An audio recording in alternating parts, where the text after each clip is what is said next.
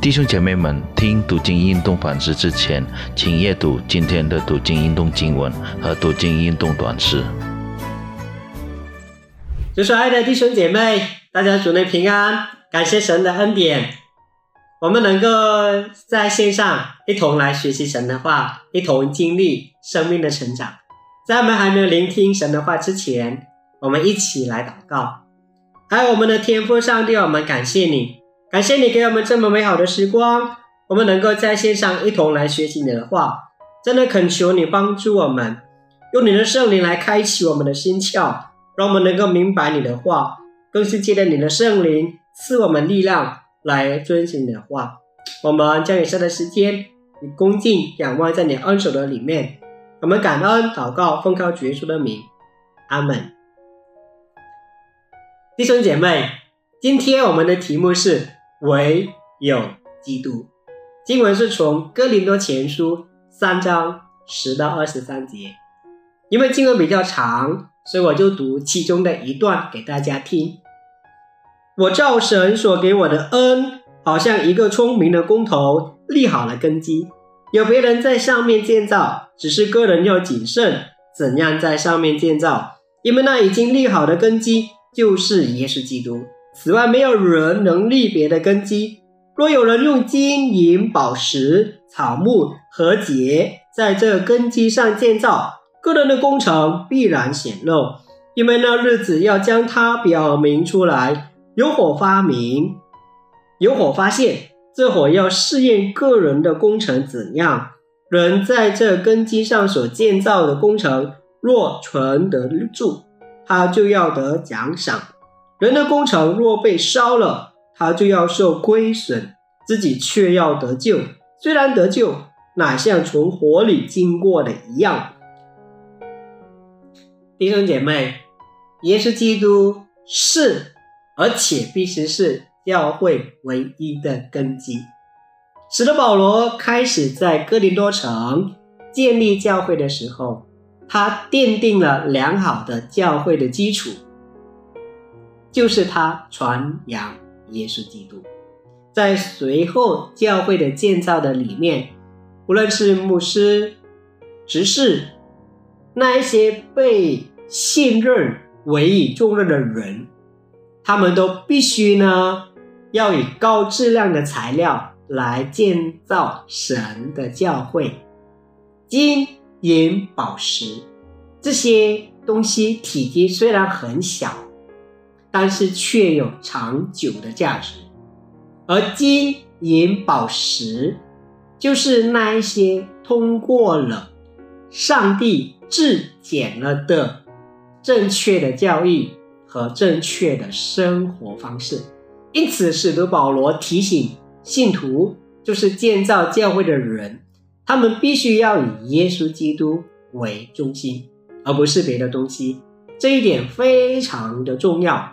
一间不离开以耶稣基督为根基为中心的教会，将会培育出成熟的会友，意味着说这间教会会成长，信徒的生命会成长成熟，会有更大的影响力，他们会有更敏锐的灵性，同时有健健全的教义。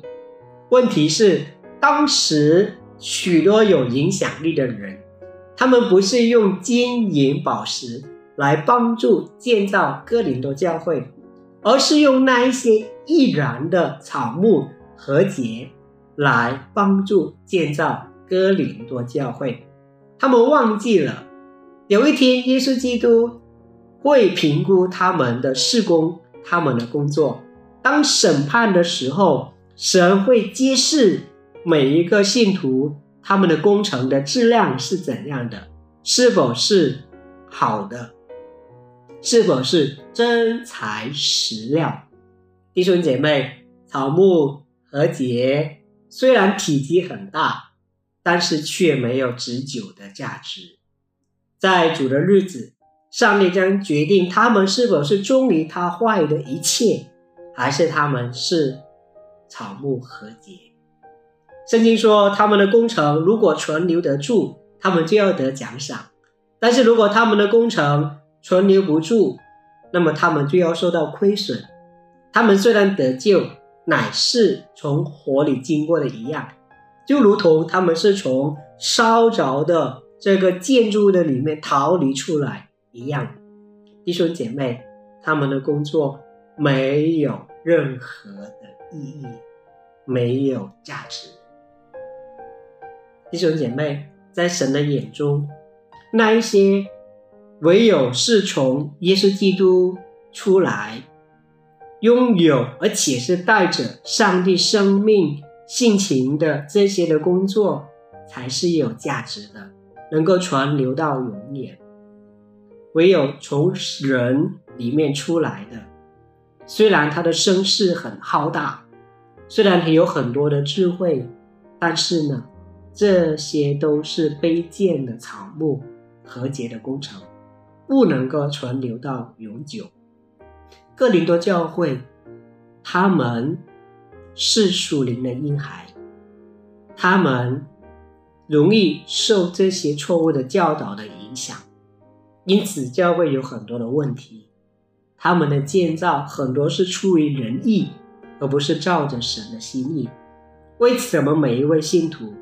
都应该对神有更深刻的委身，同时呢，更拥有能够经得起考验的属灵生命的内涵。我们个人和教会的生活的根基，只能是耶稣基督，他是我们个人和教会存在的原因，同时也是我们教会。和个人存在的目的。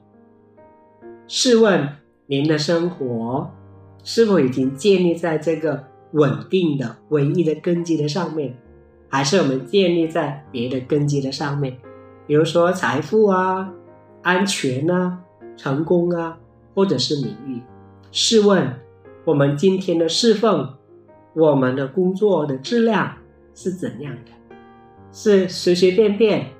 是就地取材，是敷衍了事，还是我们尽心尽意、全然的摆上，完全的忠于神所对我们的托付？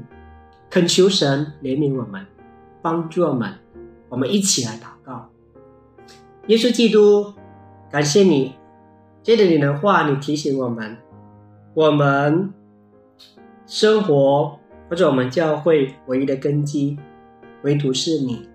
我们应当呢是以你为我们生命生活的中心，以致我们所做的每一样的事情，都是因着你给我们的恩典，能够顺从你对我们的带领，全然的摆上，尽心尽力在神灵的面前，以致我们所做的真的是被你所纪念。